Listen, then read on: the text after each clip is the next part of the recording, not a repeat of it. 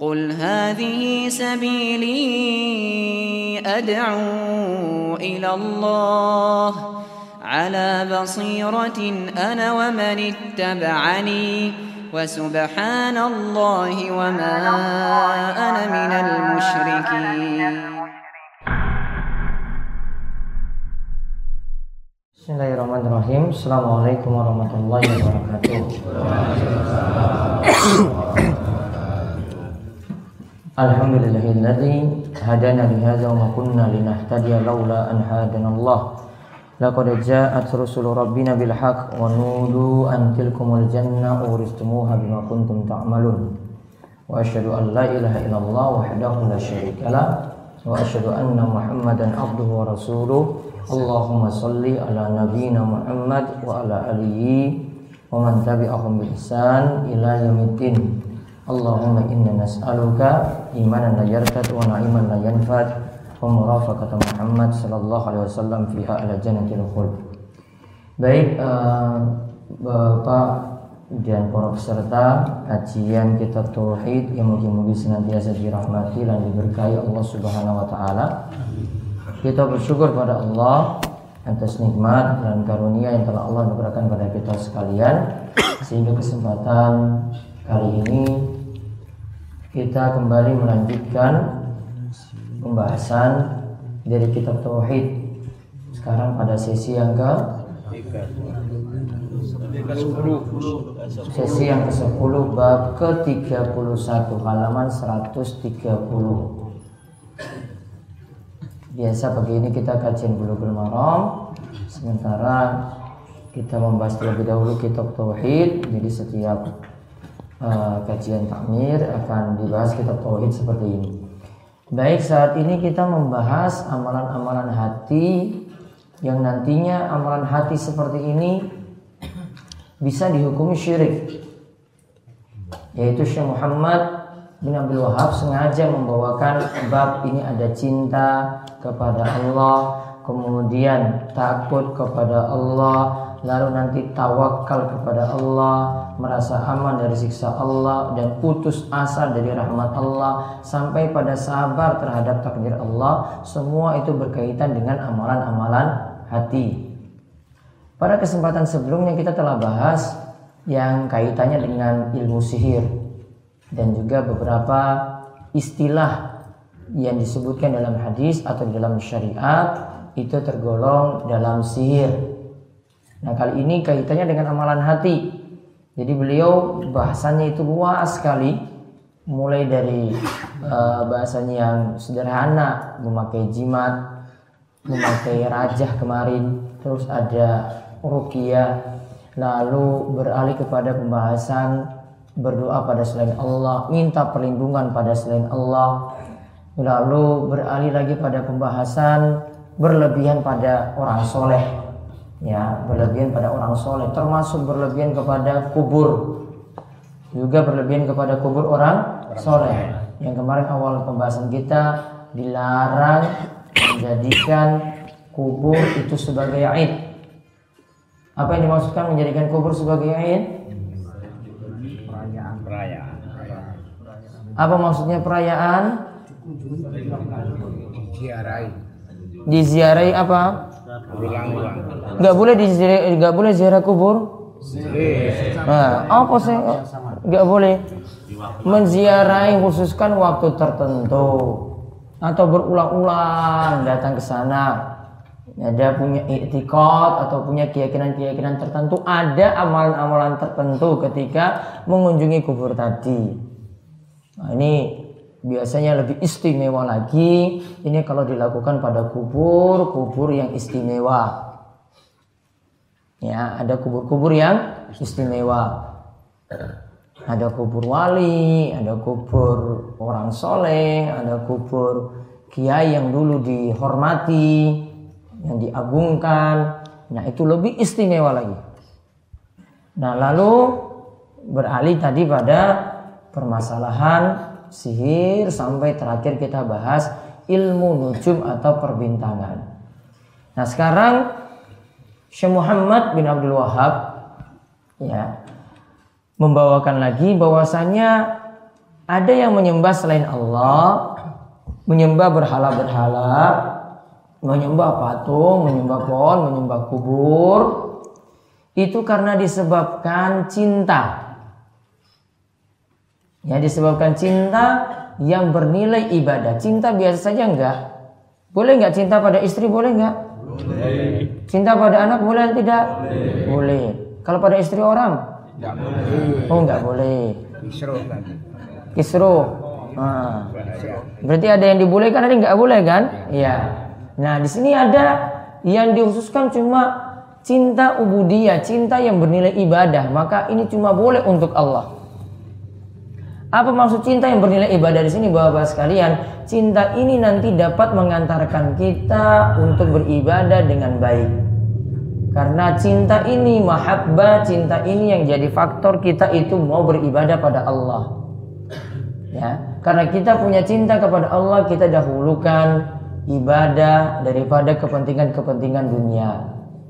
Karena cinta kepada Allah, kita dahulukan sholat di awal waktu, dibandingkan dengan urusan dengan konsumen, dengan pelanggan, seterusnya. Karena cinta kepada Allah, kita itu dahulukan uh, ibadah sholat seperti sholat asar daripada sibuk mengurus pakan, mengurus ngarit, mengurus sapi dan seterusnya. Kalau kita dahulukan kepentingan ibadah tadi, berarti kita telah mendahulukan, mementingkan cinta kepada Allah. Namun kalau sebaliknya, waduh, ya nanggung ini. Ya nanggungnya sampai jam setengah enam. Ya, nanggungnya sampai jam setengah enam. Ada nggak yang nanggung seperti itu? Banyak. Oh banyak. Undur-undur terus kan? Mangkatnya jam siji. Ya kan? Mangkat golepakan jam siji. Terus undur-undur terus wah hujan terus sudah di sana juga dia pakai alasan wah nggak bisa nggak bawa sarung nggak bawa ini nggak bawa ini. Ya jelas memang dia nggak punya niatan untuk ibadah. Dia dahulukan kepentingan dunia dibandingkan dengan urusan ibadahnya. Nah ini namanya dia dahulukan cinta kepada dunia daripada cinta kepada Allah. Jadi cinta ini jadi faktor mendorong kita itu untuk mau ibadah. Sebagaimana kalau orang itu cinta gandrung pada dunia, apa pun nggak dipedulikan. Coba lihat anak-anak remaja itu, kalau sudah gantung dengan motor, dengan game, ya ada yang dengan band, coba itu nggak pedulikan kata orang tua. Ya toh? Nggak pedulikan kata orang tua. Orang tua mau ngomong kayak gini dia nggak pedulikan. Ya, pokoknya saya mau nurut ini, mau nurut untuk tadi bisa pinter main band, mau pinter main game, mau bal-balan, mau volley, mau seterusnya. Ya, dia pentingkan yang dunia terlebih dahulu. Nah ini tanda bahwasanya kecintaannya kepada Allah itu kurang. Maka cinta kepada Allah itu akan mengantarkan seorang untuk mau beribadah pada Allah. Makanya ini disinggung oleh Syekh Muhammad bin Abdul Wahab di sini. Lihat itu orang-orang musyrik, kecintaannya itu kepada Allah dengan kecintaannya kepada selain Allah itu terbagi. Terbagi dua. Ya, beda di sini kita tidak usah bahas kalau cintanya murni pada selain Allah nggak usah kita bahas. Itu sudah jelas syirik itu. Namun ini kita bahas cinta yang terbagi dua. Ya, cinta yang terbagi dua. Ibaratnya kalau orang itu selingkuh, itu cintanya terbagi enggak? Oh bisa jadi dengan selingkuhannya itu cintanya 100%. Iya kan? Namun ada yang terbagi. Ini pitung polo, iki telung polo. Ah, bojoku wes tua. Ya. Iya toh, yang ini sih nom ya ya nom ini wah dimanja-manjakan. Ya ditelepon dibeles sedikit. Wah mas saya ini butuh ini. Wah usaha untuk dapat itu. Ah padahal cuma di dipermainkan saja mau ikuti seperti itu. Banyak kasus perselingkuhan kayak gitu loh. Ini bukan saya bahas yang nom nom loh ini wes sepuh wes duwe anak. Wes duwe putu. Mah Wes dua anak, wes dua putu. Ini orangnya cerita dengan saya langsung. Ya. Jadi pas bahas di Wonosari masalah perselingkuhan ternyata di mana-mana akhirnya terungkap semua ini. Oh ini yang ini selingkuh, yang ini selingkuh, yang ini curhat pada saya. Waduh, saya itu numpuk di sini pikirannya sudah nang, sudah mikir jamaah, sudah mikir ini orang selingkuh meneh. Tambah repot. Berarti masalahnya banyak kan? Berarti di Gunung Kidul nih? Berarti bukan masalah syirik saja ini. Wah syirik sudah pakai pelet juga, sudah pakai sosok, tambah lagi selingkuhnya oke. Istri satu di sana, dua di sana, tiga di sana, empat di selatan. Ya, parah seperti itu. Padahal kita sepuh ini loh. Terus kok bisa lihat ini semua? Iya pakai obat kuat lagi. Viagra. Viagra. Aku harus sebut loh, harus sebut merek ya. Viagra. Udah, paham ini ya? Jadi kita bahas cinta kenapa? Karena cinta ini akan jadi faktor penting mendorong kita untuk ibadah. Nanti tambah lagi dengan takut lagi.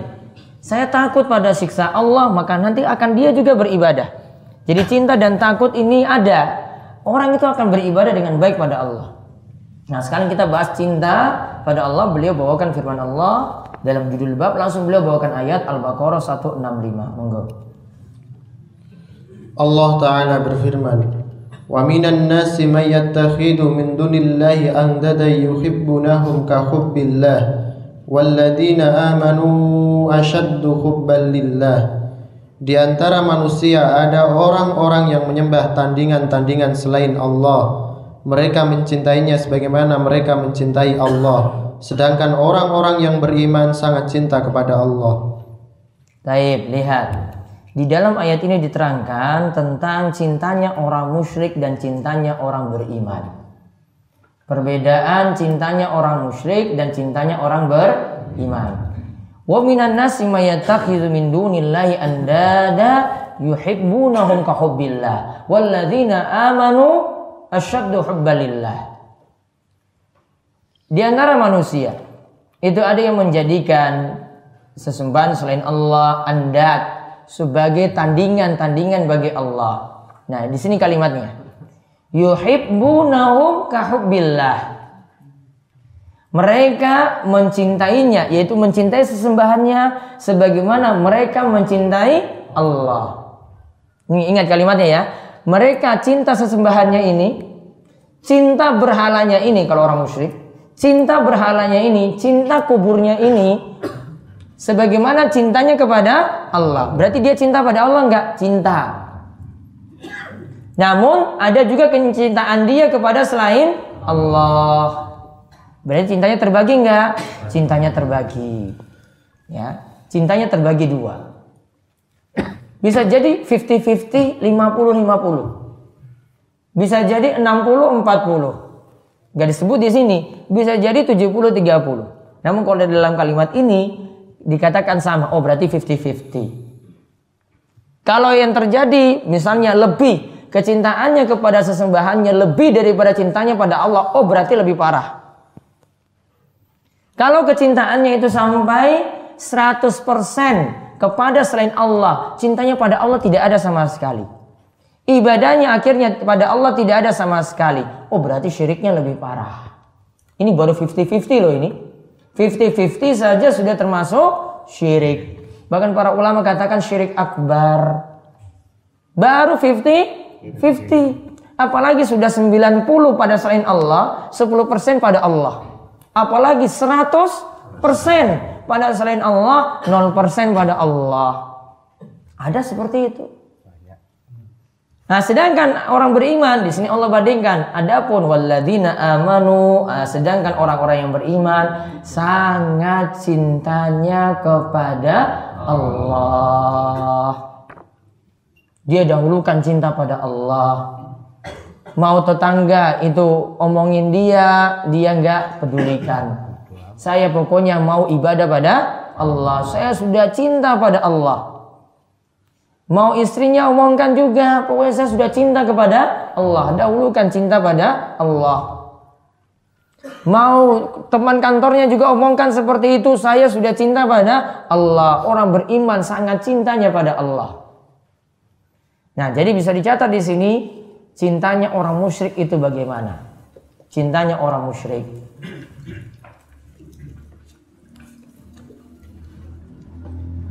Cintanya orang musyrik satu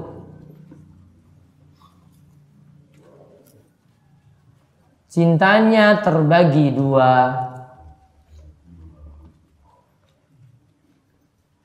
Cintanya terbagi dua.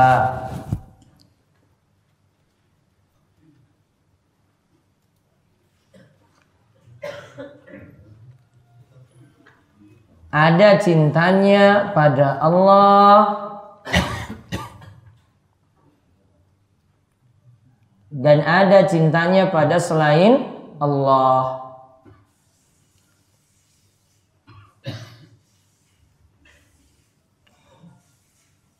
Sehingga misalnya ada ini karena mengikuti ritual pesugihan, pokoknya karena ada prasyarat-prasyarat dia ikuti apa pun kata, misalnya juru kunci itu dia ikuti. Apa istilah selain juru kunci itu? Misalnya ada kubur-kubur keramat, terus ada orang yang khusus nangani situ. Hah? Yang biasanya kasih syarat-syarat.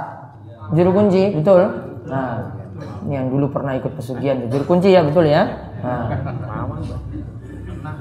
Maka kalau diberi syarat apa pun itu, pokoknya, wah, bapak ingin sugih, diturutin punya syaratnya. Suruh nyembelih ayam, ayam apa? Ayam hitam, pokoknya diturutin. Suruh suruh bawa duit sekian, pokoknya diturutin. Suruh ya lakukan amalan puasa, ada istilahnya puasa mutih kek, ada puasa apa kek, diturutin. Ya, pokoknya untuk dapat apa yang diinginkan tadi, pingin sugih. Ya, cintanya terbagi. Pokoknya kalau ini walaupun syirik ah sudah saya turutin, walaupun juga dia mengerjakan sholat. Jadi di sini tanda di sini bahwa apa? Orang musyrik jangan kira jenengan kira itu orang musyrik itu nggak pernah sholat, sholat juga sama. Namun cintanya terbagi dua. Mungkin dia jadi imam masjid juga loh. Mungkin kalau ngisi ceramah pinter daripada jenengan ngisi ceramah. Ya, ada. Dia mungkin lebih pintar daripada masalah itu. Mau suruh sholat, masya Allah bacaan Qurannya banyak. Suruh ceramah, wah ceramahnya luar biasa. Namun musyrik. Ya, bahkan wis munggah haji nih loh. Itu nggak peduli seperti itu. Pokoknya kalau cintanya terbagi dua seperti tadi, cintanya pada Allah ada, cintanya pada selain Allah juga ada. Cintanya terbagi dua dan cinta ini yang kita maksudkan itu ibadah tadi. Dia mau nurutin sholat, iya dia sholat. Mau nurutin tadi kata juru kunci tadi, dia nurutin juga. Berarti cintanya terbagi dua. Terus yang kedua,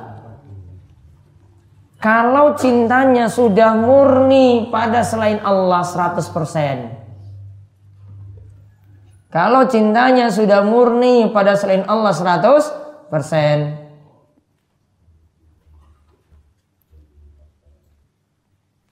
berarti lebih parah kesyirikannya.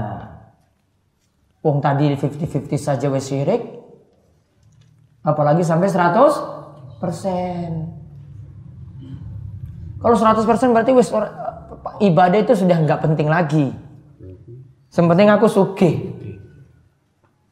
Mau ada ada tuyul, mau di rumah itu pakai kemenyan-kemenyan untuk dapatkan ya ritual-ritual ini yang harus dipenuhi kemudian dia nyalakan terus di rumah rumahnya itu bau kemenyan ya sebenarnya untuk masalah ini nanti ada pembahasan sendiri namun ada yang jadikan ini sebagai ritual atau sebagai amalan syarat-syarat nanti pada pada malam Jumat apa seperti itu ada amalan sendiri lagi wah pokoknya diturutin apa kata orang yang ingin membuat dia jadi sugih tadi pokoknya diturutin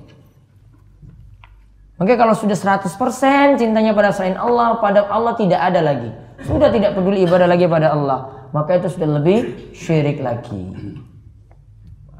Nah, kemudian dicatat cintanya orang beriman.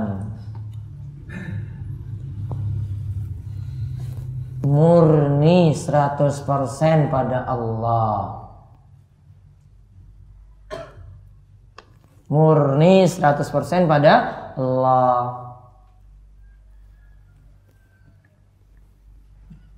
Berarti ia pentingkan urusan akhirat daripada urusan dunia. Ketika bertentangan nih, ketika bertentangan. Namun kalau masih bisa dikompromi ya bagusnya dikompromi. Ya. Ini dengan urusan orang tuanya. Kalau memang untuk sholat sunnah misalnya masih bisa dikompromi. Niki sholat sunnah. Ibunya panggil. Le, tolong bantu. Ibu untuk beli ini, beli ini, beli ini. Itu kan berarti bertentangan Gi. Ini mau ibadah sholat sunnah. Yang ini ingin taati perintah ibu. Satu waktu di sini. Maka mana yang dipentingkan? Perintah ibu terlebih dahulu. Ibadah ini karena sunnah masih bisa diundur, tidak jadi prioritas. Yang wajib lebih dipentingkan daripada yang sunnah. Yang wajib lebih dipentingkan daripada yang sunnah. Ada juga misalnya, ya sama seperti itu kita ingin dakwah dakwah saya mau dakwah ke oh, pedalaman Papua sana. Ya, pedalaman Papua sana. Namun kalau saya itu pergi jauh di sana, pergi satu bulan, istri nggak makan, anak nggak diurusin, ditinggal. Dan kalau saya pergi berarti nggak ada pekerjaan. Berarti nggak diberi nafkah. Mana yang dipentingkan? Dakwah atau golek nafkah? nafkah. Paham nih ya? Karena cari nafkah itu wajib. Sedangkan di sana ya, mungkin ada yang lainnya lah yang ngurus. Atau bisa terwakilkan dengan yang lainnya. Ini nggak bisa ini. Siapa suruh punya istri? Apalagi sampai papat loh. Oh papat orang sempat? Orang sempat? Ya wis kalau gitu nggak dipaksa kok. Suruh punya lebih daripada satu itu nggak wajib. Ini bapak jangan terlalu banyak ngomong, mau poligami poligami terus. Guruan ini ki orang no bojo nih kok. Guru ngomong.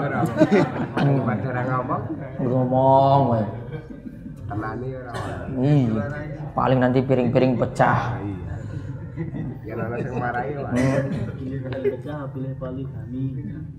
Itu tadi ya paham ya. Jadi ada bahkan kepentingan ibadah itu bisa ditunda dikarenakan ada kepentingan yang lebih. Ini walaupun cuma kepentingan dunia, namun ini lebih diprioritaskan.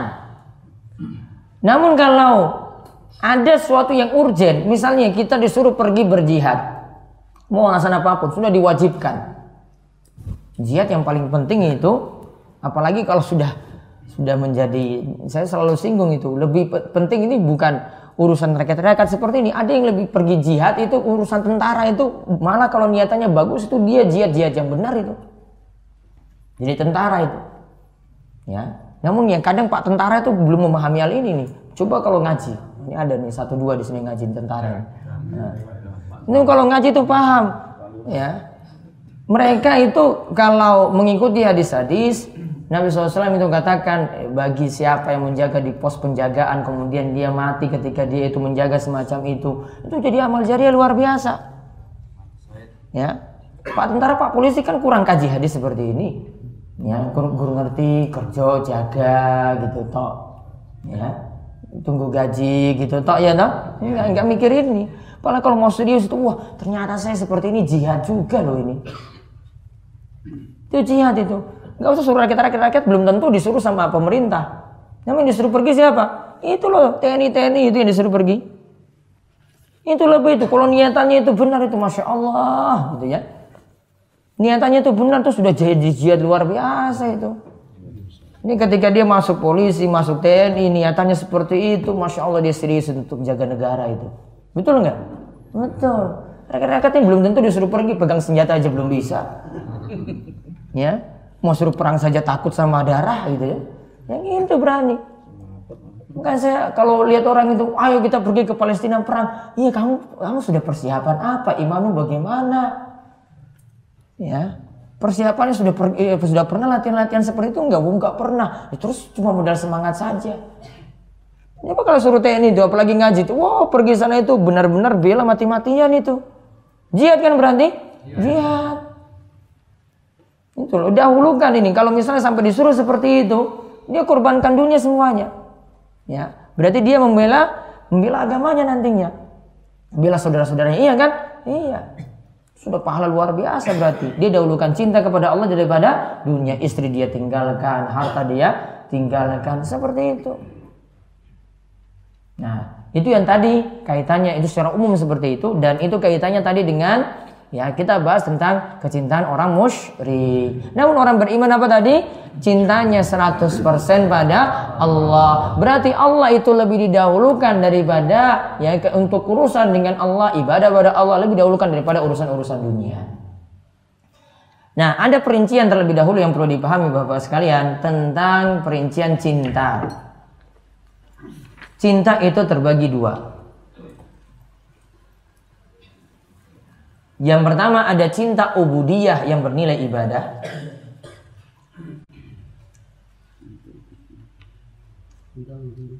Yang pertama cinta ubudiyah yang bernilai ibadah.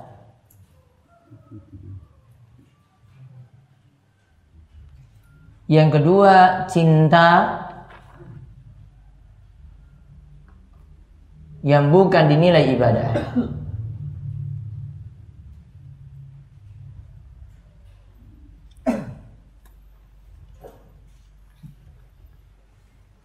Ada cinta yang yang kedua apa?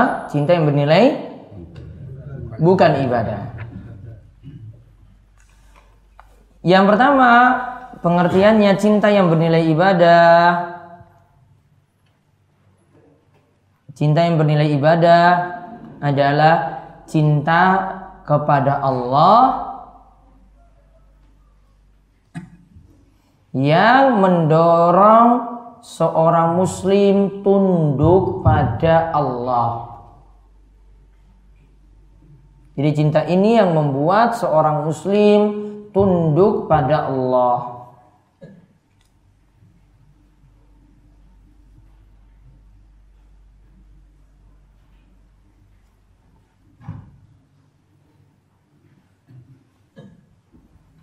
Jadi untuk sujud karena cintanya pada Allah dia sujud untuk sholat karena cintanya pada Allah dia mau sholat. Itu namanya cinta bernilai ibadah. Ada di sini kalau orang musyrik cintanya bernilai ibadah mau disuruh sujud di depan kubur sebagai syarat harus permintaannya itu tergabulkan maka dia tetap mau sujud di hadapan kubur. Padahal sujud ini ibadah. Namun karena prasyarat itu dia penuhi itu dia sujud di hadapan kubur. Karena ingin misalnya tadi penyakitnya cepat sembuh. Disuruh untuk penuhi nazar dulu. Nazarnya berupa tumbal. Paham tumbal ya? Tumbal biasanya berupa apa? Penyembelian apa? Kebo apa? Kambing. Ya, kalau makin besar kayaknya itu permintaannya makin cepat terkabul. Taruhlah kepala sapi. Disyaratkan harus seperti itu. Maka kalau dia itu cintanya kepada selain Allah, maka dia akan penuhi itu. Namun kalau kita bahas ini orang muslim, ya orang muslim berarti ini untuk ibadahnya. Dia punya cinta kepada Allah itu akan membuat dia semakin tunduk pada Allah. Allah perintahkan apa pun akan dia laksanakan. Ada yang halal dia ambil. Yang Allah itu haramkan dia tinggalkan. Mau dalam masalah jual beli, mau dalam masalah ibadah, mau dalam masalah ini, masalah itu. Kalau Allah larang, dia manut pokoknya. Wah ini sudah Allah itu larang. Saya cinta pada Allah, maka saya akan manut pada perintah Allah. Nah, sedangkan cinta yang kedua, tadi apa? Cinta yang bukan ibadah. Di sini ada macam-macam. Cinta yang bukan ibadah, ini ada macam-macam. Yang pertama, cinta secara tabiat.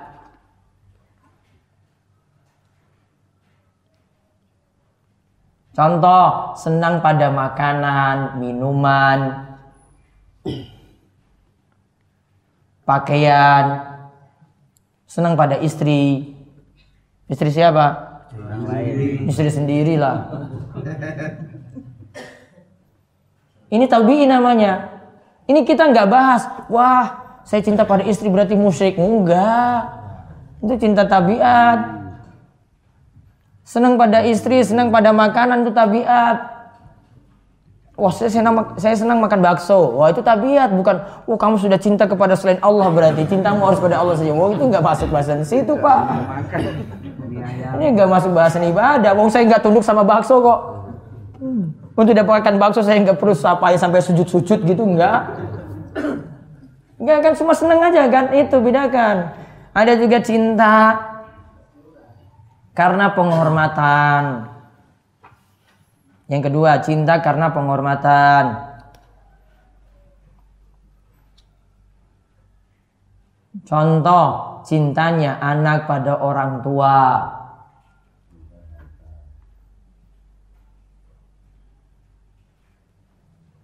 Cintanya anak pada orang tua. Contohnya lagi, cintanya murid pada guru. Itu penghormatan.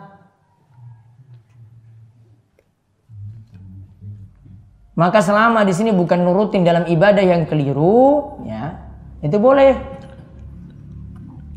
Anak patuh pada perintah orang tua. Ini sifatnya bukan nilai ibadah di sini. Maksudnya secara murni tadi, bukan seperti sujud, bukan seperti sholat, bukan. Namun ketika anak tersebut dia patuh pada orang tuanya, maka sudah jadi ibadah tersendiri. Dia nurut patuh pada orang tuanya, berbakti pada orang tuanya sudah jadi ibadah ter tersendiri. Dia senangkan orang tua, nurutin orang tua, sudah jadi ibadah tersendiri. Terus yang ketiga, ada cinta kasih sayang.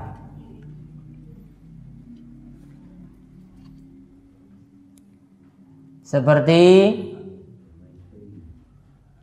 cinta orang tua pada anak. Cinta orang tua pada anak. Namun di sini tetap juga jangan sampai melanggar aturan Allah. Gak boleh nurutin anak itu dalam hal yang diharamkan. Ya, tidak boleh nurutin anak itu pada hal yang diharamkan. Anaknya senang mempelajari ini, ini, ini, ini, ya. Ternyata yang dipelajari ini adalah ilmu yang bermasalah. Contoh ilmu yang bermasalah apa, Bapak? Wah, oh, itu tadi sudah disebut itu nah, anaknya senang mempelajari ya itu tadilah saya takut nanti masuk TV apalagi contohnya Hah? anaknya senang musik diturutin. Kemarin kita sudah bicara musik kan kemarin. Apa disebut musik itu kemarin alasan al-Basri Hah? sautu syaitan. Jibut suara syaitan. Sesuatu Fauzan itu katakan itu adalah musik atau nyanyian. Apalagi? Nurutin anaknya apalagi? Joget-joget. Ya. goyang-goyang bahkan tuh joget-joget goyang-goyang itu ada yang dikasih jadikan ibadah loh itu ibadahnya orang sufi itu selawatan tuh sambil nari-nari ya mereka punya pakaian khusus sek lanang intinya gerok ya Rock ketika itu ada yang berselawat dia muter. Kalau nggak percaya cari di, di YouTube itu ada. Ya, itu ada di, di YouTube itu ada. Baca solawat ini, semua baca solawat. Yang ini penarinya ini, lanang ini bukan weta, ini lanang. Muter, ngegerok itu tadi. Itu bisa muter satu jam loh. Saya bilang ini orangnya ini sudah kesurupan sebenarnya. Karena nggak mungkin itu orang muter seperti satu jam itu nggak pusing itu loh. Ya, muter satu jam ini nggak berhenti. Dan itu dijadikan ibadah ini, ini dijadikan ibadah. Nggak boleh. Kalau anak nurut diturutin dari masalah ini nggak boleh. Ya, pokoknya kalau senang dengan yang haram-haram kemudian diturutin, termasuk mempelajari ilmu juga salah satu ilmu yang tidak boleh dipelajari ini sudah diwanti-wanti oleh para ulama yaitu ilmu filsafat. Ya, ilmu apa? Filsafat. Karena kalau ilmu ini dipelajari lama-lama nanti menentang Allah. Ya, itu lama-lama menentang Allah itu. Walaupun di kuliah itu ada seperti ini. Waktu itu saya juga ambil kuliah filsafat juga. Saya nggak mau nuruti kata dosennya itu. Saya cuma eh, jawab saja pakai pelajaran agama aja ini. Tanya tentang tauhid, saya jawab tauhid rububiyah, uluhiyah, asma wa sifat. main mau dapat kosong dapat ini nggak apa-apa ternyata dapat A juga gitu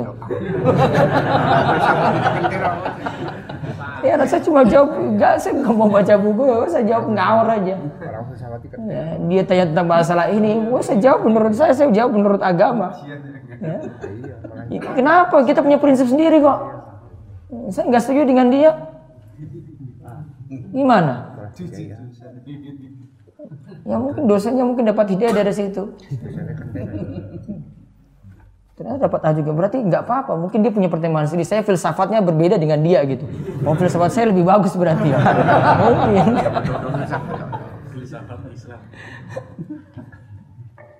Kalau filsafat Islam nanti masalah lagi. Beda. Ya, itu pemikirannya beda lagi. Nanti bisa jadi liberal, bisa jadi ini, bisa jadi itu beda. Mendingan gak usah dipelajari. Sudah diingatkan oleh Imam Syafi'i dan yang lainnya itu ilmu bahaya untuk dipelajari. Ini kalau anaknya tuh senang mempelajari ini nggak diturutin. Apalagi ilmu yang nggak boleh dipelajari? Hah? Apa bapak? Sihir jelas nggak ada universitasnya kan? Yang ada universitasnya. Ilmu apa? Hah? Tata rias.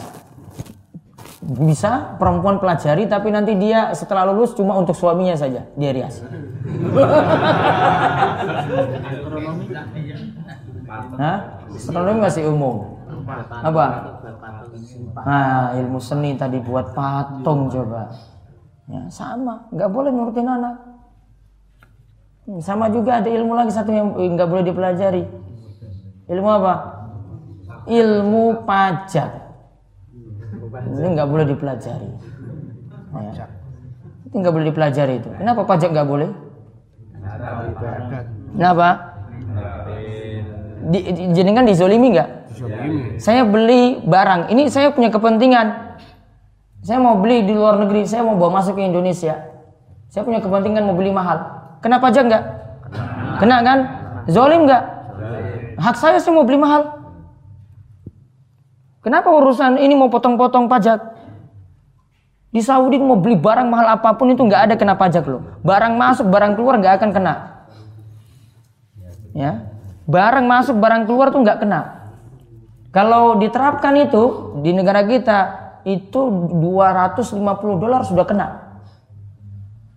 Kasihan orang yang mau butuh beli barang dan dia cuma dapat dari luar negeri semacam itu. Potongnya mahal sekali. Makanya kalau di Saudi Arabia itu, ya, ini saking saking zolimnya pajak itu ya. Mobil Innova misalnya di sana. Nah, di sana nggak ada Innova, Avanza nggak ada, Fortuner. Ini nggak ada memang. Di sana nggak ada. Dia mobil mobil seperti itu itu bisa separuh harga dari Indonesia. Yang produksi siapa? Indonesia. Yang produksi Indonesia bawa ke Saudi itu masih separuh harga dari sini. Murah di sana. Apa sebabnya di sini kok mahal? Itu. Zolim nggak berarti?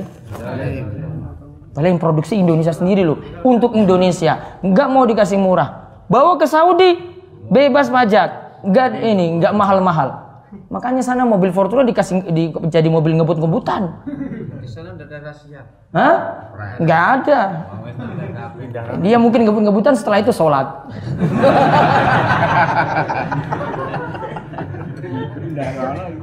ada tetap lah. Anak sana saking nakal-nakalnya pak, itu masih ngerti sholat loh itu. Saking nakal tetap masih masuk masjid. Kalau di sini nakal, wah, itu batu masjid itu. Soalnya saking nakalnya itu, ya saking nakalnya dia mau mau tawuran mau apa, itu tetap kenal masjid. Kalau nggak percaya pergi ke sana itu, lihat anak-anak itu.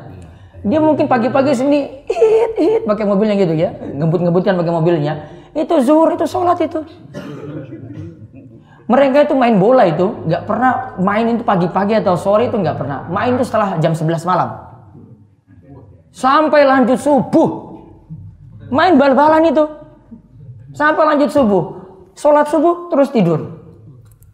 Sampai nanti mau Jumatan. Jumatan baru Jumatan. Yang sepenting kan sholat dia. Iya kan? Masih sadar sholat. Saking nakal, walaupun nakal coba, sholat tetap ingat loh. Itu. Nggak ada pajak. Saya mau bilang itu ilmu yang nggak boleh pelajari itu ilmu zolim itu zolimi orang. Sekarang itu saya mau jadi penulis sekarang ini ya. Sampai ada seorang penulis terkenal itu undur diri dari dunia penulisan itu. Ini karena kan pajak. Masa saya nulis seperti ini pajaknya tinggi sekali. Emangnya punya peran serta untuk nulis sampai mau potong-potong? Orang nulis tuh mikir. Itu curahkan pikiran, dia lembur malam-malam sampai tengah malam. Itu mikir seperti itu, eh dipotong, potong besar. Emangnya pernah punya peran serta apa gitu? Iya kan? Punya peran serta apa? Namun tetap wajib bayar pajak walaupun seperti itu. Terus atau bayar 24. atau Tunggu, apa itu?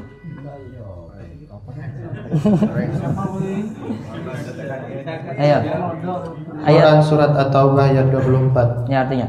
Katakanlah, jika bapak-bapak, anak-anak, saudara-saudara, istri-istri, kaum keluarga kalian, harta kekayaan yang kalian usahakan, perniagaan yang kalian khawatirkan kerugiannya, dan rumah-rumah tempat tinggal yang kalian senangi lebih kalian cintai daripada Allah dan Rasulnya, dan berjihad di jalannya, maka tunggulah sampai Allah mendatangkan keputusannya.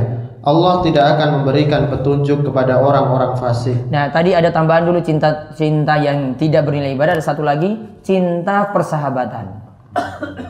Cinta persahabatan. Ya, ini bukan pacaran di sini, persahabatan. Dengan teman seperti itu. Itu cinta yang boleh. Yang penting nggak nurut-nurut teman. Temannya jaluk rokok, dinai rokok. Itu namanya nurut teman seperti itu. Jadi budaknya teman berarti. Ya. Pa- Para perokok kan itu persahabatan luar biasa para perokok gitu. Ya. Ini cuma punya rokok, yang situ punya korek dikasih. Oh ini ada saya korek ini. Koreknya dibawa pergi gitu. Dia biasa-biasa saja gitu. Ya. Biasa-biasa aja kan, nggak protes kan? Wah itu teman saya nggak apa-apa mas seperti saya saya protes gitu. Enggak kan, nggak protes kan? Paling besoknya datang, eh ini kayaknya korek saya itu. Oh maaf saya lupa. Ah. Persahabatan yang luar biasa sama para perokok itu, masya Allah.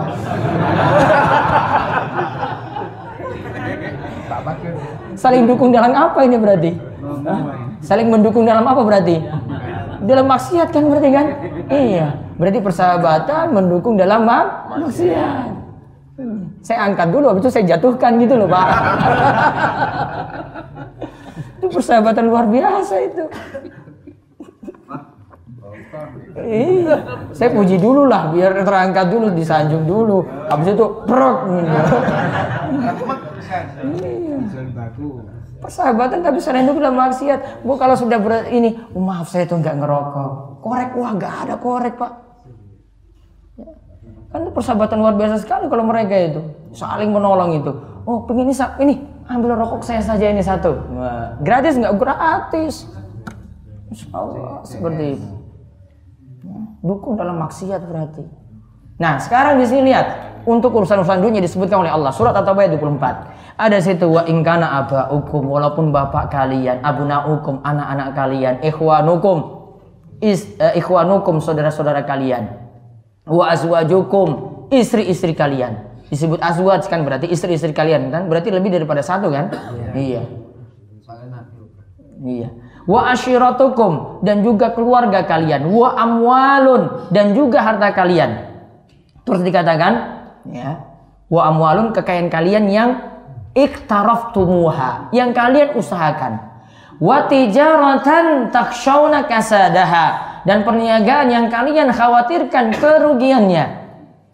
Wa masakinu tardawnaha dan rumah-rumah tempat tinggal yang kalian senangi dan itu ahabu ilaikum minallahi wa rasuli. Itu semua tadi yang disebutkan itu lebih kalian cintai daripada Allah dan Rasulnya.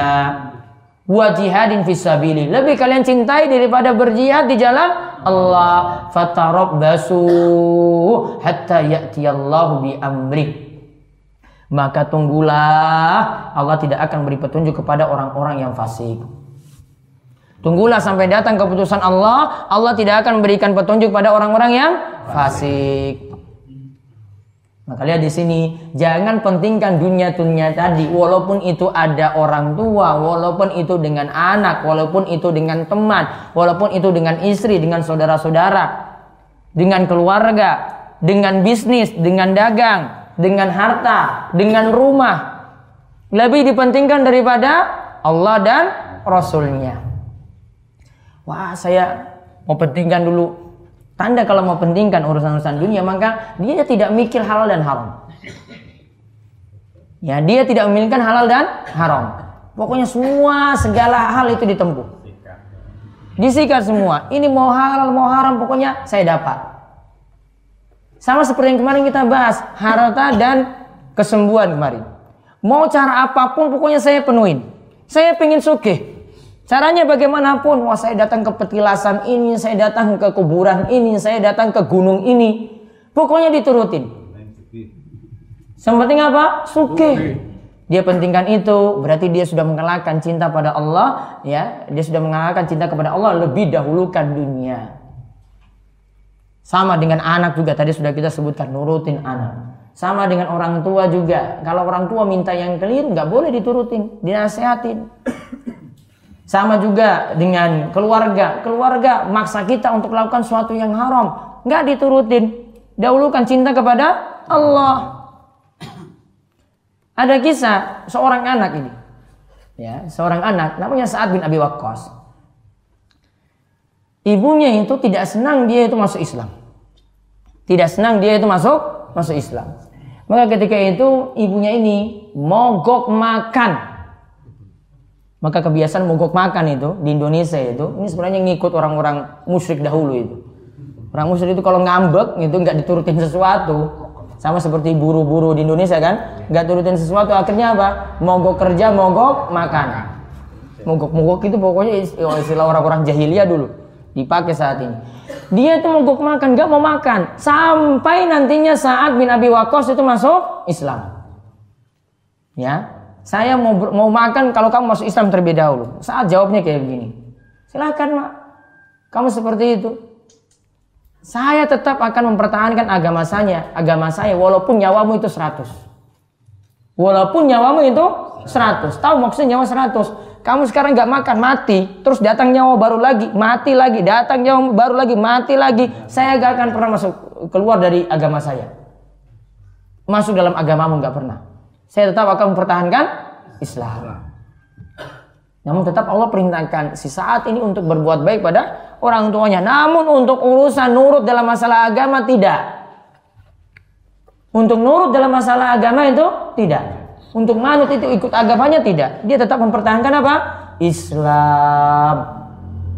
Ya, ini saat ini. Coba kalau lihat anak-anak sekarang bagaimana? Bisa seperti nurut atau enggak? Nurut. Saat enggak. Mbok silahkan mau punya nyawa 100 saya nggak akan peduli. Namun untuk urusan yang lainnya ibunya suruh apa pun dia nurut untuk urusan ini saya enggak. Dia tetap mempertahankan i, iman. Ini tanda bahwasanya iman ini lebih mesti lebih dipentingkan daripada nurut orang tua. Kalau ketika itu bertentangan. Namun kalau bisa kita itu ngajak orang tua sekalian seperti tadi saat sambil ngajak orang tuanya. Abu Hurairah terus mendoakan orang tuanya untuk masuk Islam. Ya. Abu Hurairah tetap ngajak terus sampai minta doa pada Nabi. Nabi SAW doakan itu ibu saya biar masuk Islam. Akhirnya ibunya itu masuk masuk Islam. Dia datang kepada Rasulullah SAW, ngetok-ngetok Rasulullah SAW. Wahai Rasulullah saya punya kabar gembira. Ibu saya itu sudah masuk Islam. Sebelumnya minta doa dari Rasulullah SAW. Lebih penting kan di sini ibunya diajak untuk masuk Islam. Tidak nurut pada ibunya tadi, tidak nurut pada agama ibunya. Terus Anas menuturkan. Anas radhiyallahu anhu menuturkan bahwa Rasulullah shallallahu alaihi wasallam bersabda, "La yu'minu ahadukum hatta akuna ahabba ilaihi min waladihi wa walidihi wan nasi ajma'in." Salah seorang di antara kalian tidak dikatakan beriman dengan sempurna sebelum menjadikan diriku lebih dicintainya daripada anaknya, orang tuanya dan seluruh manusia. Berarti kesimpulannya dari hadis ini Cinta pada Rasul sekarang. Cinta pada Rasul lebih diutamakan daripada cinta pada anak, orang tua, dan manusia lainnya.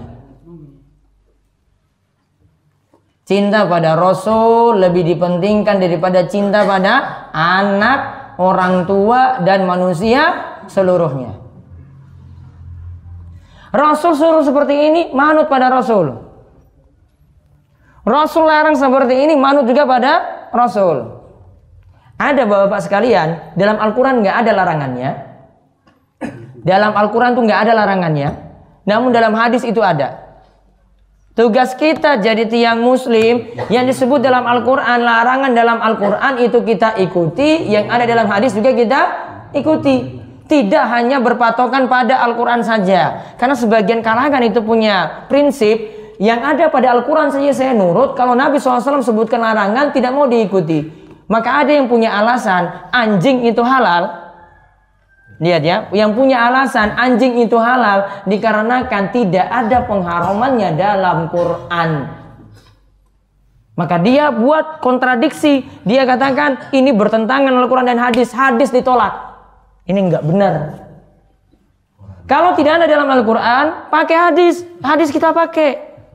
Sama, rincian nih, sholat itu tidak ada dalam Quran. Maaf, tidak ada dalam Al-Quran.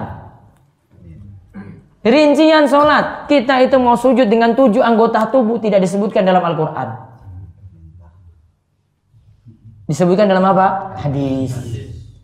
Aku diperintah, kata Nabi SAW, sujud pada tujuh anggota tubuh. Kening dengan hidung. Dua telapak tangan, dua lutut, dua ujung kaki. Perintahnya dalam apa? Hadis. Manut berarti. Nggak boleh pakai alasan wah saya nggak mau nurut pada hadis. Kalau nggak mau nurut pada hadis, nggak bisa sholat. Ya, nggak mau nurut pada hadis nanti akhirnya tidak bisa sholat. Maka tetap hadis itu diikuti. Maka tadi untuk masalah anjing misalnya, Al-Quran tidak sebutkan, hadis sebutkan, berarti hadis itu diikuti. Apa yang dikatakan dalam hadis? Ya, tentang masalah pengaraman anjing itu bisa pada dalil tentang larangan memakan hewan buas di mana hewan buas ini bertaring. Kemudian Imam Bukhari dan Muslim. Imam Bukhari dan Muslim meriwayatkan dari Anas radhiyallahu anhu Nabi bersabda salasun man kunna fihi wajada bihinna halawatal iman ayyakun Allah wa rasuluhu ahabba ilaihi mimma siwahuma wa yuhibbai al mar wa yuhib bal mar yuhib bal mar ala yuhibbuhu ila Allah wa wa ayqrahu ay yauda fil kufri ba'da id an qadahu Allah minhu kama yaqrahu ay yuqda fa finnar ada tiga perkara. Jika perkara-perkara itu terdapat dalam diri seseorang maka dia akan mendapatkan manisnya rasa iman. Tiga perkara itu adalah mencintai Allah dan Rasulnya. Melebihi yang selain keduanya mencintai seseorang semata-mata karena Allah dan tidak menyukai untuk kembali kepada kekafiran setelah diselamatkan Allah darinya sebagaimana dirinya tidak menyukai sekiranya dijebloskan dalam neraka. Berarti ada tiga perkara yang membuat kita itu merasakan manisnya iman. Ini catat penting ini bapak-bapak. Tak berikan nomor di situ. Satu, mencintai Allah dan Rasulnya. Mencintai Allah dan Rasulnya melebihi yang lainnya. Mencintai Allah dan Rasulnya melebihi yang lainnya. Ini tadi apa judulnya tadi? Merasakan manisnya iman. Berarti iman itu ada manisnya. Ada kenikmatannya. Ya, iman itu ada manisnya, ada kenikmatannya. Yang pertama, mencintai Allah dan Rasulnya lebih daripada selainnya. Daripada tadi anak, daripada orang tua, daripada istri, daripada saudara, daripada harta, daripada kekayaan, daripada bisnis, daripada rumah. Dia lebih pentingkan cinta pada Allah dan Rasulnya. Yang kedua apa? Yang kedua, bahasa Arabnya di sini ayakunallahu wa rasul ahabu ilaihi mimma siwahuma wa ayuhibbul mar'a wa yuhibbal mar'a la yuhibbuhu illa lillah mencintai yang lainnya karena Allah mencintai yang lainnya karena Allah. Ya, mencintai yang lainnya karena Allah. Berarti dia pakai standar ketakwaan. Ah, ini bukan karena teman saya itu suki, saya temanan temanan dengan orang suki, bukan. Lihat akhlaknya bagus. Wah, ini akhlaknya bagus, saya juga pengen bagus seperti dia. Dia teman. Ya, itu namanya mencintainya itu standarnya karena Allah. Beda kalau standarnya itu dunia. Dia nggak punya maka saya jauh dari dia. Dia nggak punya harta saya tinggalkan dia. Yang ketiga apa? Tidak senang kembali lagi dalam kekufuran dan kemaksiatan. Tidak senang kembali lagi dalam kekufuran dan kemaksiatan. Alias apa Bapak? Tobat. Tobat berarti nggak pingin balik-balik lagi. Dulu itu selingkuh, ya yang selingkuhan yang ngebel lagi. Mas gimana kabarnya? Oh saya nggak mau balik lagi sama kamu. Saya tobat. Dulu punya mantan pacar. Ya, dulu punya mantan pacar. Kalau memang mau tobat, nggak hubungan-hubungan lagi. Orang disimpan nomore, orang temanan yang Facebook, orang duwe WA ne, dibusak kabeh. Karena biang keladi nanti itu. Biang masalah. Wah, iki ono nomornya coba tak bel ya. Ya. Tanya dulu kabarnya gimana, Dik? Kabarnya, Dik? Wis duwe anak piro? Si seneng ora karo aku. Wah, seneng apa ya Allah. Mungkin-mungkin lagi kan berarti pingin balik lagi. Tanda dia rasakan lezatnya iman, gak mau balik-balik lagi kepada maksiatnya dahulu. Gak mau balik-balik lagi kepada kekufurannya dahulu.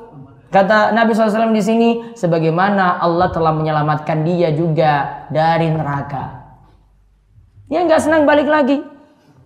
Ya, ini makanya yang masa-masa lalu kalau mau ingin ditinggalkan, tinggalkan benar-benar tinggalkan semua. Pekerjaan yang haram dia tinggalkan. Kalau bisa pindah tempat, pindah tempat. Tadi punya mantan maksiatnya tadi, dia tinggalkan. Nggak perlu ungkit-ungkit lagi. Ya, karena ada yang tanya ke saya, Ustadz gimana Ustadz ini yang dulu pacar lama ini hubungi-hubungi saya lagi lewat Facebook. Nggak boleh mbak seperti itu. Ya, nggak boleh lagi. Nggak boleh ngungkit-ngungkit lagi. Ya, jadi unfriend, di blog, ngapain dengan dia? Wong saya sudah punya istri, sudah punya anak. Ya, nggak boleh balik-balik lagi.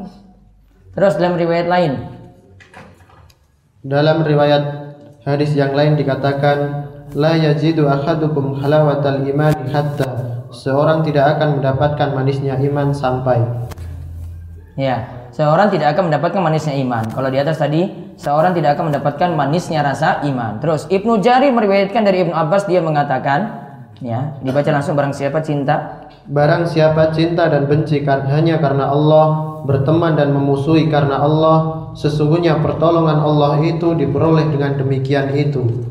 Seorang hamba tidak akan bisa merasakan kenikmatan iman walaupun banyak melakukan sholat dan puasa sampai dirinya berbuat demikian. Sampai itu. sendirinya berbuat demikian berarti apa? Dia cinta dan benci hanya karena Allah. Itu baru dia rasakan manisnya iman. Ya, bukan dengan sholatnya saja, bukan dengan puasanya saja. Namun ada dasar dia itu berteman dan dia mendahulukan cinta kepada Allah daripada dunianya itu baru dia akan mendapatkan ma- manisnya iman. Terus Sungguh, kebanyakan persahabatan seseorang itu hanya dilandaskan kepada kepentingan dunia. betul nggak ini? Ya, persahabatan hanya dilandaskan kepentingan dunia. Betul. Terus persahabatan Persahabatan yang demikian itu tidaklah bermanfaat bagi mereka. Nah, terus tentang firman Allah, wa taqatta'at bihumul asbab dan putuslah segala hubungan antara mereka sama sekali. Ibn Abbas menafsirkan bahwa maknanya adalah kasih sayang. Cinta tidak ada bermanfaat lagi nanti di akhirat kecuali cinta yang didasarkan karena cinta pada Allah. Kandungan bab. Kandungan bab 1. Tafsir surat Al-Baqarah ayat 165. Dua. 2. Tafsir surat Al-Bara'ah ayat 24. Tadi sudah disebutkan wa minan nasi may yattakhidhu yang tadi cintanya murni pada Allah, ada cintanya yang 50-50, cintanya orang musyrik. Yang Al-Baroah tadi, Al-Baroah itu nama lain surat apa? At-Taubah. Mana sudah disebut. Terus tiga. Tiga, kewajiban untuk lebih mencintai Rasulullah Shallallahu Alaihi Wasallam daripada diri sendiri, keluarga dan harta benda. Cinta Rasul lebih dahulukan daripada diri sendiri, keluarga dan harta benda. Contoh-contohnya tadi sudah disebutkan. Empat, Empat, pernyataan tidak beriman dalam hadis di atas bukan berarti keluar dari Islam, tetapi keimanannya kurang sempurna. Nah, tadi katakan tidak beriman kan? Tidak beriman, seorang yang dikatakan tidak beriman, la yu'minu ahadukum hatta akuna hab- ahabba ilaihi min waladihi wa walidihi wan nasi ajmain. Terus yang keempat, yang kelima. Lima, iman memiliki rasa manis, akan tetapi ada orang yang bisa merasakannya dan ada pula orang yang tidak bisa merasakannya. Iman memiliki rasa apa? Manis. Ada yang orang rasa nikmat ketika berada di atas iman, dia rasakan tenang sekali. Kalau dia maksiat, dia gelisah terus. Iya kan? Iya, gelisah terus. Walaupun mungkin dia ah, dengan selingkuhannya ini dia dapat nikmat, itu nikmat sesaat. Setelah itu dia dihantui itu. Galau ini, wah dikejar-kejar nanti ketahuan bagaimana. Orang maksiat seperti itu. Yang keenam, Enam, ada empat amalan hati sehingga seseorang bisa meraih kemenangan dari Allah dan merasakan kenikmatan iman. Nah itu yang tadi disebutkan dalam hadis terakhir dari Ibnu Jarir. Terus tujuh. Tujuh, sahabat memahami realita yang terjadi di mana persahabatan yang ada pada umumnya hanya dilandasi oleh kepentingan duniawi. Persahabatan hanya dilandasi kepentingan duniawi. Harusnya dilandasi apa tadi? Takwa, dilandasi iman. Terus yang kedelapan. Delapan, tafsir firman Allah dan putuslah segala hubungan antara mereka sama sekali. Berarti di sini kesimpulannya tadi, kalau untuk berteman itu harus dilandasan takwa, iman. Berarti kalau berteman dengan non muslim bagaimana? Berteman loh, jadikan sohib. Konco dekat. Boleh nggak? Nggak boleh. Apa standarnya kalau gitu kalau dengan dia? Cukup untuk urusan dunia saja. Ah, dia punya barang saya beli, wes. Boleh berbisnis dengan dia. Ya, dia punya sesuatu, wes ini saya minta bantu dia bisa. Namun kalau untuk jadi teman dekat nggak boleh. Ya berteman biasa saja. Ah, ini karena teman satu kelas. Wah ini karena teman satu kantor. Ya sudah. Se- Di data berbuat baik seperti itu. Ada snack dibagi, ada makanan itu dibagi. Tetap dia boleh dibagi. Hatta sampai yang kita bahas tentang masalah kurban kemarin telah kita bahas, boleh jatah kurban itu diserahkan pada non muslim. Kita buat baik pada orang tetap buat baik. Namun kalau dijadikan teman dekat, teman curhat, jalan bareng nggak bisa. Ya, ini masalah iman kita pentingkan. Terus yang kesembilan, Sembilan, di antara orang musyrik ada yang sangat mencintai Allah. dia orang musyrik itu cintanya pada Allah ada, cintanya pada selain Allah juga ada. Cintanya tadi apa maksudnya? Terbagi dua. Terus sepuluh. Sepuluh, ancaman bagi orang yang menjadikan delapan perkara duniawi di atas lebih dicintainya daripada agamanya. Itu apa tadi? Bapak, anak, saudara, istri, keluarga, harta, perniagaan, rumah. Pasal 8 tau? Nah, itu di surat At-Taubah ayat 24. Delapan ini jangan didahulukan daripada Allah. Tetap kalau itu bertentangan, dahulukan cinta pada Allah dan Rasulnya daripada delapan hal tadi. Terus, Sebelas, barang siapa yang memuja selain Allah dengan mencintainya sebagaimana mencintai Allah, maka itulah perbuatan syirik akbar. Nah ini tentang memuja selain Allah dengan mencintainya sebagaimana mencintai Allah. Dengan kubur dia itu cintanya sangat-sangat cinta. Sama cintanya seperti cinta Allah. Maka dia berarti sudah terjatuh dalam perbuatan syirik akbar. Baik, ada pertanyaan? Ya, satu. Dua. Kasih sana. Assalamualaikum warahmatullahi wabarakatuh. Yang saya tanyakan tentang di dusun ada tarikan untuk wayangan untuk mapar tunggak memudahkan dusun.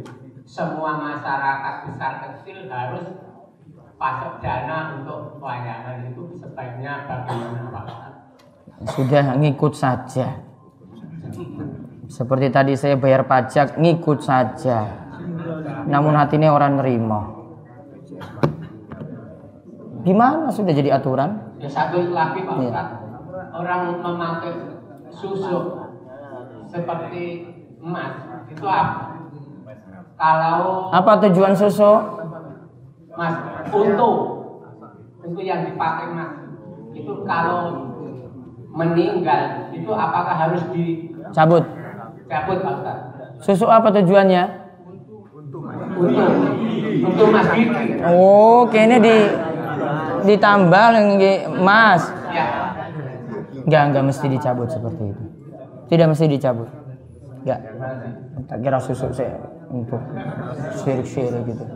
Udah, dua. Assalamualaikum warahmatullahi wabarakatuh. Waalaikumsalam warahmatullahi wabarakatuh. Di Isra atau bahaya 24 Iya. itu artinya Allah tidak akan memberikan petunjuk kepada orang-orang fasik. Mohon penjelasan orang-orang fasik itu bagaimana? Fasik, kalau diistilahkan dengan fasik, itu sudah keluar dari ketaatan. Kenapa disebut fasik? Dia mendahulukan cinta pada dunia yang delapan tadi dibandingkan cinta pada Allah. Kalau gara-gara anak, gara-gara nurut harta, gara-gara nurut dunia, kok sampai meninggalkan sholat, ya dihukumi fasik. Jadi fasik, pengertian fasik nih, fasik itu punya pengertian melakukan dosa besar atau terus-menerus dalam dosa kecil. Fasik nih, lihat, fasik itu adalah orang yang melakukan dosa besar atau terus-menerus melakukan dosa kecil. Rokok dosa besar apa dosa kecil? Kalau rokok diteruskan, ya, walaupun jangan katakan kecil, berarti fasik. Iya, numpuk, jelas numpuk. Berarti jadi besar. Taruhlah kita kecil saja ya, kecil. Berarti nanti jadi besar. Sebut fasik nggak? Fasik nggak? Bu, tegas toh? Eh, gitu. Fasik gitu. Boleh nggak orang fasik jadi imam? Coba, berani nggak ngomong nggak boleh?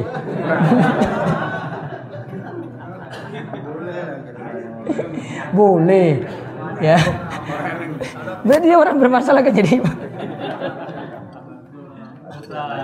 Jadi pengertian fasik gitu, melakukan dosa besar atau terus-menerus melakukan dosa kecil. Disebut fasik. Hmm.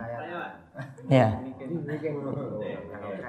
Saya nggak sebut jenengan fasik loh tadi, saya nggak sebut loh. Iya, enggak kok saya kira. Ya. Katanya Allah itu menciptakan dunia ini kan untuk dinikmati seluruh manusia. Nah, orang-orang Islam ini kan juga suruh menikmati. Kenapa? Kalau dikatakan pada pasif, contohnya menikmati melihat, mendengarkan. Iya. Padahal kalau kita ini orang Jawa, kalau punya hajat, sebenarnya tidak usah pakai musik eh, campur sari dan segalanya itu karena kita dengar kita lihat bagaimana solusinya Ustaz karena tidak usah munafik teman-teman ini semuanya kayak gitu sudah kajian BDS tapi masih segitu begitu Ya mudah-mudahan dapat taufik dan hidayah. biar tahu nanti malam kemis itu disampaikan Mudah-mudahan dapat taufik lan hidayah. Syukur dong nggak ke wes guru ngomong terus doa ke wes. Gimana lagi itu kan urusan kamu. ya. Langsung on Pak ya.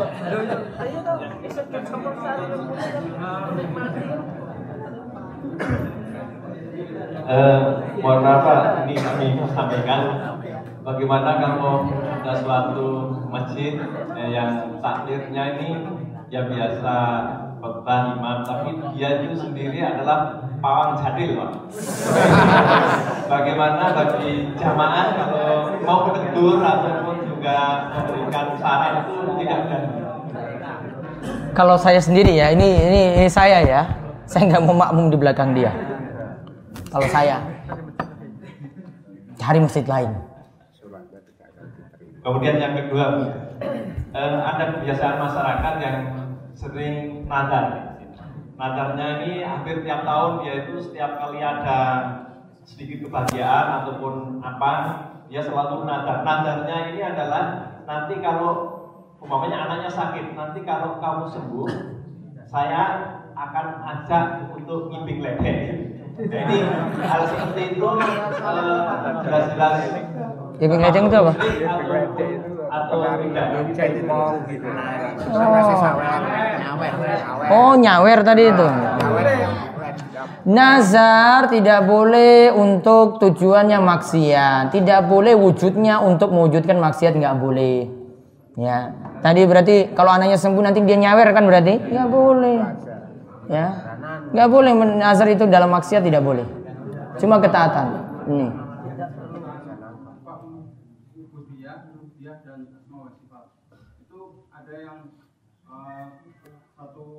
Sifat. Itu tersebut tindakan eh, menganggap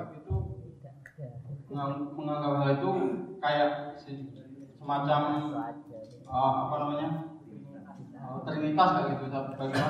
Trinitas itu kita mengakui Bapak Putra Roh Kudus. Bilang Ustadz itu pelajari baik-baik Bapak Putra Roh Kudus itu sinten. Bapak Putra Roh Kudus itu Nabi Isa dijadikan bagian dari yang tiga. Bapak Putra Roh Kudus. Dia nggak pernah tinggal di Nasrani sih. Ya. Bapak Putra Roh Kudus apa keyakinannya? Saya menganggap Nabi Isa sebagai Tuhan, sebagai putra berarti anak, sebagai Roh Kudus berarti seperti Jibril, menyampaikan wahyu. Tiga terus rangkap.